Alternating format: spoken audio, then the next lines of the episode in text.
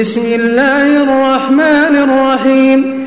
القارعة ما القارعة وما أدراك ما القارعة.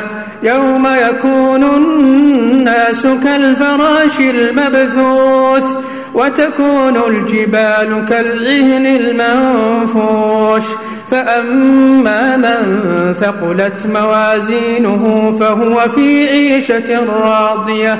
وأما من خفت موازينه فأمه هاوية.